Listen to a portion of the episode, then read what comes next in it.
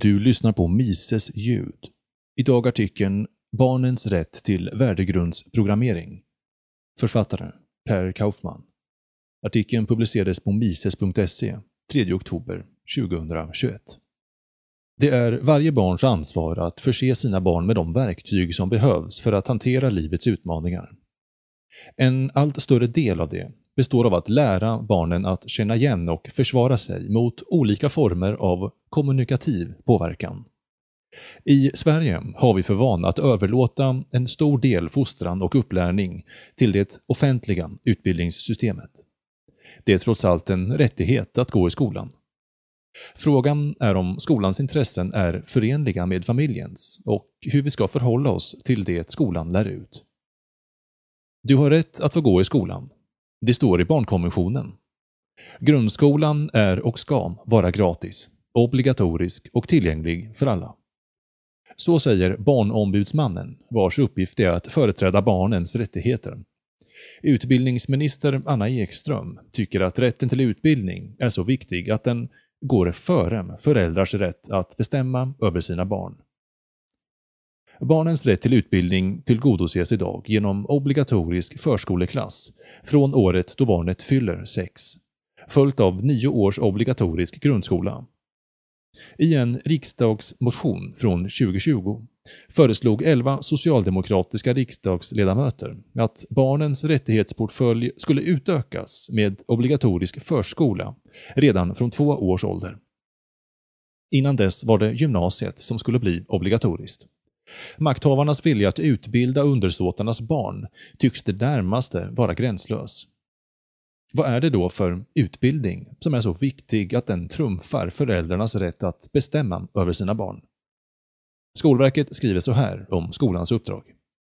Utbildning och fostran är i djupare mening en fråga om att överföra och utveckla ett kulturarv, värden, traditioner, språk, kunskaper från en generation till nästa.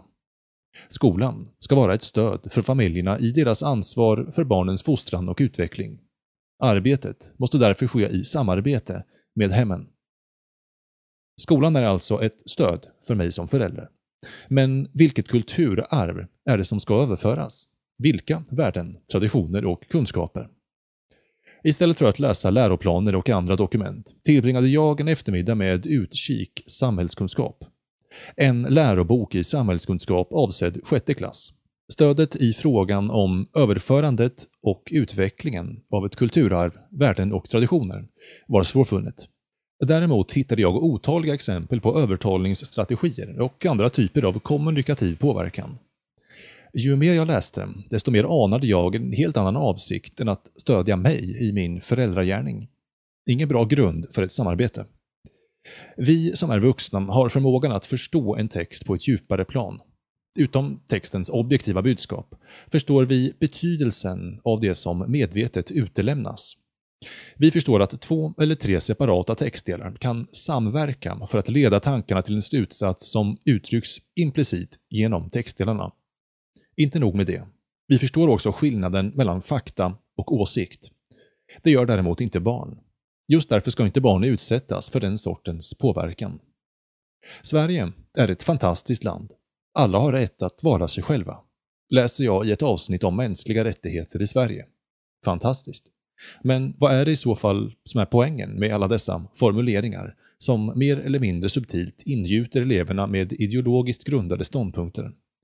Låt mig svara på min egen fråga. Rätten att vara sig själv är ett fluffigt begrepp som på egen hand inte betyder någonting alls.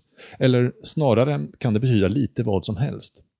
Bakom sådana begrepp gömmer sig en ideologisk syn på individ och samhälle.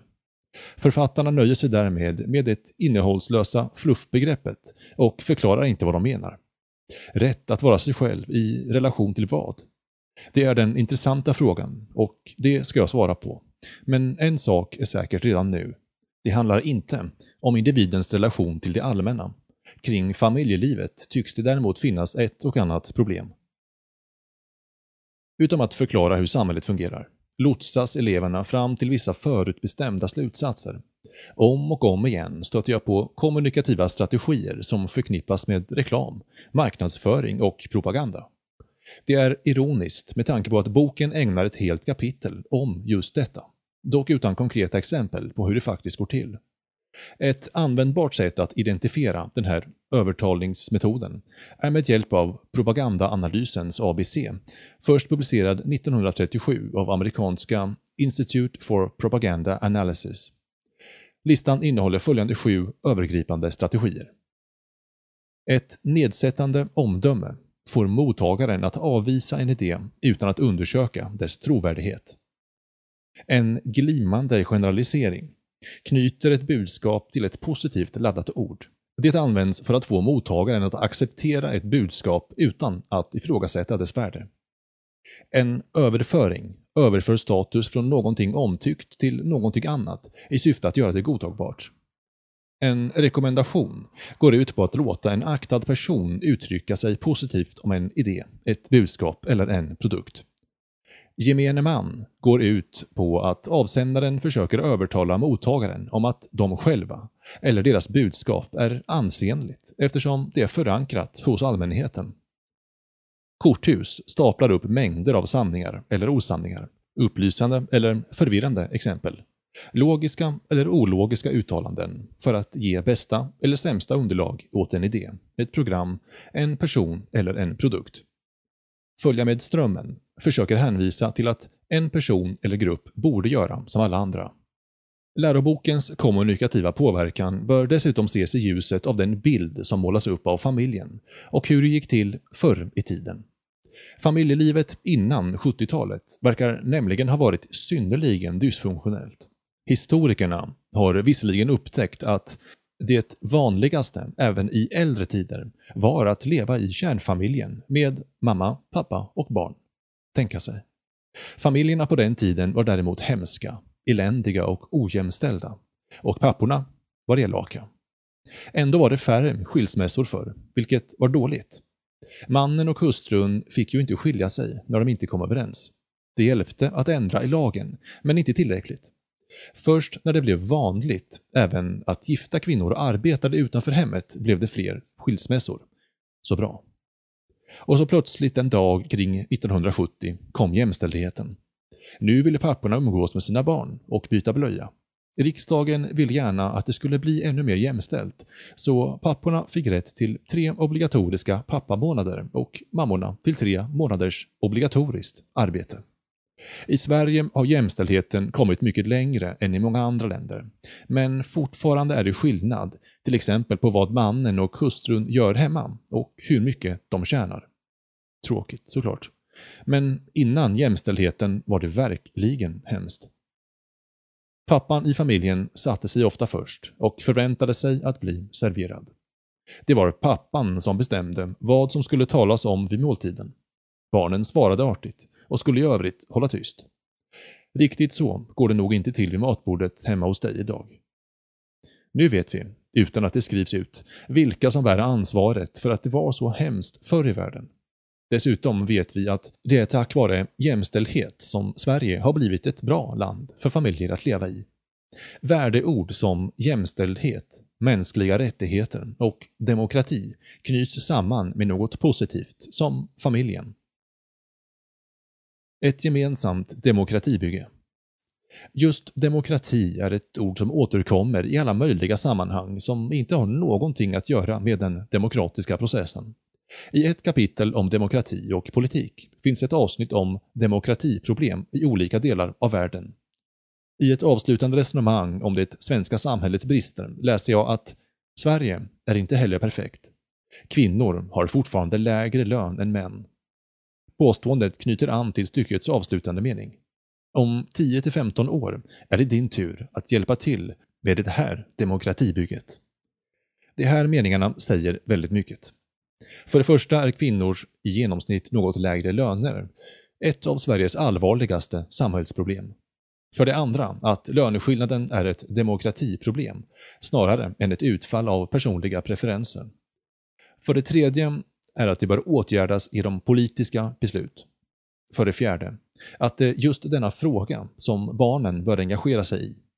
Och för det femte, att vi är inbegripna i ett demokratibygge. Det här är ett exempel på övertalningsmetoden överföring. Ordet demokrati används här för att överföra trovärdighet till vänsterradikala teorier om kön och makt. Demokrati är ingenting riksdagen kan besluta om en gång för alla. Beklagligt. Men barnen slipper åtminstone lista ut på egen hand hur demokratin ska byggas. Utkik samhällskunskap beskriver vad som behöver göras, både i samhället och i hemmen. Den demokratiska processen är dock inte helt förbisedd. En förvånansvärt bra sammanfattning finns i ett avsnitt om demokrati i skolan. Skolan är nämligen demokratisk, precis som Sverige. Det kallas elevdemokrati. Tillsammans med läraren bestämmer eleverna vilka ordningsregler som gäller i klassrummet. Men troligen ser det ganska likt ut i hela skolan. Alla elevdemokratier behöver komma fram till ungefär samma regler, för annars blir det rörigt. Genom klassrådet och elevrådet kan eleverna påverka vilka regler som gäller för skolan. Men reglerna som redan finns är ändå ganska bra. Det här med demokrati är svårt ibland. Tur att lärarna kan hjälpa till så att demokratin blir bra. Det finns också exempel på vad demokratin kan åstadkomma lokalt. Hur ska till exempel äldreomsorgen se ut i kommunen? Ska man låta de gamla bo kvar hemma så länge de vill? Eller ska man samla alla på ett och samma ställe? Är vi bara tillräckligt många kan vi styra och ställa hur mycket vi vill. Till och med vräka envisa gamlingar från deras hem och samla upp dem där det är praktiskt. Sverige är fantastiskt. Jag får också lära mig om arbetsmarknaden. Det är tur att Sverige har bra regler och lagar, så att arbetarna slipper svälta om de förlorar jobbet. Tack vare mänskliga rättigheter kan inte chefer och arbetsledare behandla sina anställda hur som helst. Vi har dessutom rätt att vara annorlunda och att slippa bli mobbade. Den dag jag väljer att skaffa barn kommer jag få ytterligare ett bevis på att Sverige är ett bra land att bo i. Båda föräldrarna har nämligen rätt att vara hemma när barnen är små. Och därför kan papporna umgås med sina barn. Tänka sig. Det finns däremot brister och orättvisor även i Sverige. Men tack vare vårt öppna samhällsklimat kan orättvisorna och bristerna diskuteras öppet. Så fantastiskt har vi det i Sverige. Och inser inte du det har du helt enkelt inte tittat. Du kanske inte tycker att den här beskrivningen av Sverige stämmer helt, kanske inte heller dina föräldrar, men tittar man ut i världen ser man att Sverige är ett fantastiskt land om man jämför med de flesta andra länderna. Det är alltså bara att titta. Men på vad? Vad är det som ska jämföras? Det är ingen lätt uppgift att mäta fantastiskt. Och det är nog poängen, för så fungerar ett korthus. Företeelser förstärkta av positiva värdeomdömen staplas i följd som underlag för idén om Sveriges förträfflighet. Se bara till att inte lyssna på dina föräldrar om de skulle påstå något annat. En lärobok som framhäver att Sverige kännetecknas av allas rätt att vara sig själva borde vara försiktig med anspelningar på att det ibland är lika bra att ge vika för grupptryck. När det gäller medlemskap i fackförbund är det nämligen inte fråga om några rättigheter. Då är det istället bara besvärligt att stå utanför. Facken är ju så bra. De förhandlar för alla och försöker få upp lönerna och göra arbetsplatserna säkra och trygga. Man måste såklart inte vara med. Vi har ju föreningsfrihet. Det kan däremot vara lite besvärligt att stå utanför. Ibland kan det nog vara svårt att inte vara med i facket. Låt säga på en arbetsplats med 25 anställda där 24 är med i facket. Då kan det vara svårt att stå emot grupptrycket och inte gå med i facket. Det här är ett exempel på följa med strömmen. Syftet är att påverka genom att visa att det är bäst att följa strömmen. För vem vill bli utsatt för grupptryck? Eller bli utfryst från den sociala gemenskapen? Det är ett scenario som säkert är bekant för många sjätteklassare. Läroboken använder också andra strategier för att leda elevernas tankar. Ett sätt är med hjälp av ledande diskussionsfrågor. Tänk på de mänskliga rättigheterna och nämn minst en sak som kan bli bättre i Sverige. Nämn sedan en sak som du tycker är bra i Sverige. Reflektioner kring sådant som kunde vara bättre kanaliseras via mänskliga rättigheterna. Inga utsvävningar här inte. Vad som är bra i Sverige är en till synes helt öppen fråga, men texten ovanför redogör för just det som anses vara bra, eller snarare fantastiskt. Och diskussionsfrågan om yttrandefrihet ska givetvis inte uppmuntra någon att använda sig av den. Innebär yttrandefrihetslagen att du får säga och skriva vad du vill om andra människor? Nej, givetvis är det viktigare att fokusera på yttrandefrihetens gränser. Strategierna återkommer genom hela boken. Ingen vill ha tillbaka den tid när barn hindrades från att gå i skolan eftersom de var tvungna att arbeta. Notera alltså att barnen hindrades från att gå i skolan, men var tvungna att arbeta. En simpel ordlek som knappast finns där i lärande syfte. Det här är ett nedsättande omdöme och alternativen avvisas utan att övervägas. Att de flesta säkert håller med om att barn ska gå i skolan är inte poängen. Barn är inte självständiga och därför inte heller fria. Frågan är vem som ska ha rätt att förfoga över barnens tid. Föräldrars beslut kommer att vara till nytta för den enskilda familjen, medan ett offentligt utbildningssystem tillgodoser andra intressen. Rätten att vara sig själv. Hur är det då med den där rätten att vara sig själva? Vi som har läst utkik samhällskunskap har av någon anledning inte fått lära oss att staten existerar. Ändå framträder den genom hela boken. Det är staten som ger oss rättigheter och gör oss jämställda. Det är tack vare staten som vi kan leva tillsammans i familjer. Hur kan vi behöva rättigheter i relation till en osynlig välgörare? Rätten att vara oss själva behöver vi snarare när vi är hemma med familjen. Vi vet att det är där ojämställdheten uppstår och att jämställdhet är en förutsättning för sann demokrati. Jag vill inte ta del av det här samarbetet längre. Det lustiga är att jag inte minns den demokratiska processen när jag tog ställning till mina barns skolgång. Ändå kan jag läsa att det är tack vare demokratin som vi har tillgång till denna fantastiska skola. Faktiskt kan jag inte minnas att jag har tagit något beslut alls om mina barns skolgång, bortsett från vilken fysisk lokal det är min obligatoriska rätt att skjutsa dem till.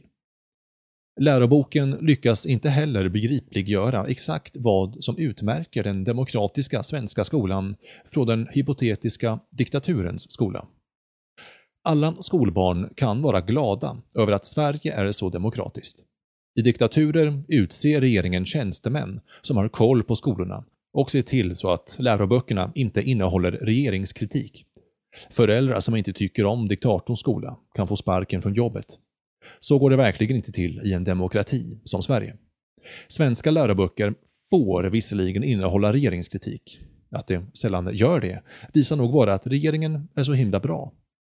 Sverige är ingen diktatur, men på grund av jämställdheten behöver regeringen ändå vara med och påverka. Därför finns det tjänstemän som tar reda på vad skolorna behöver för att bli så jämställda och bra.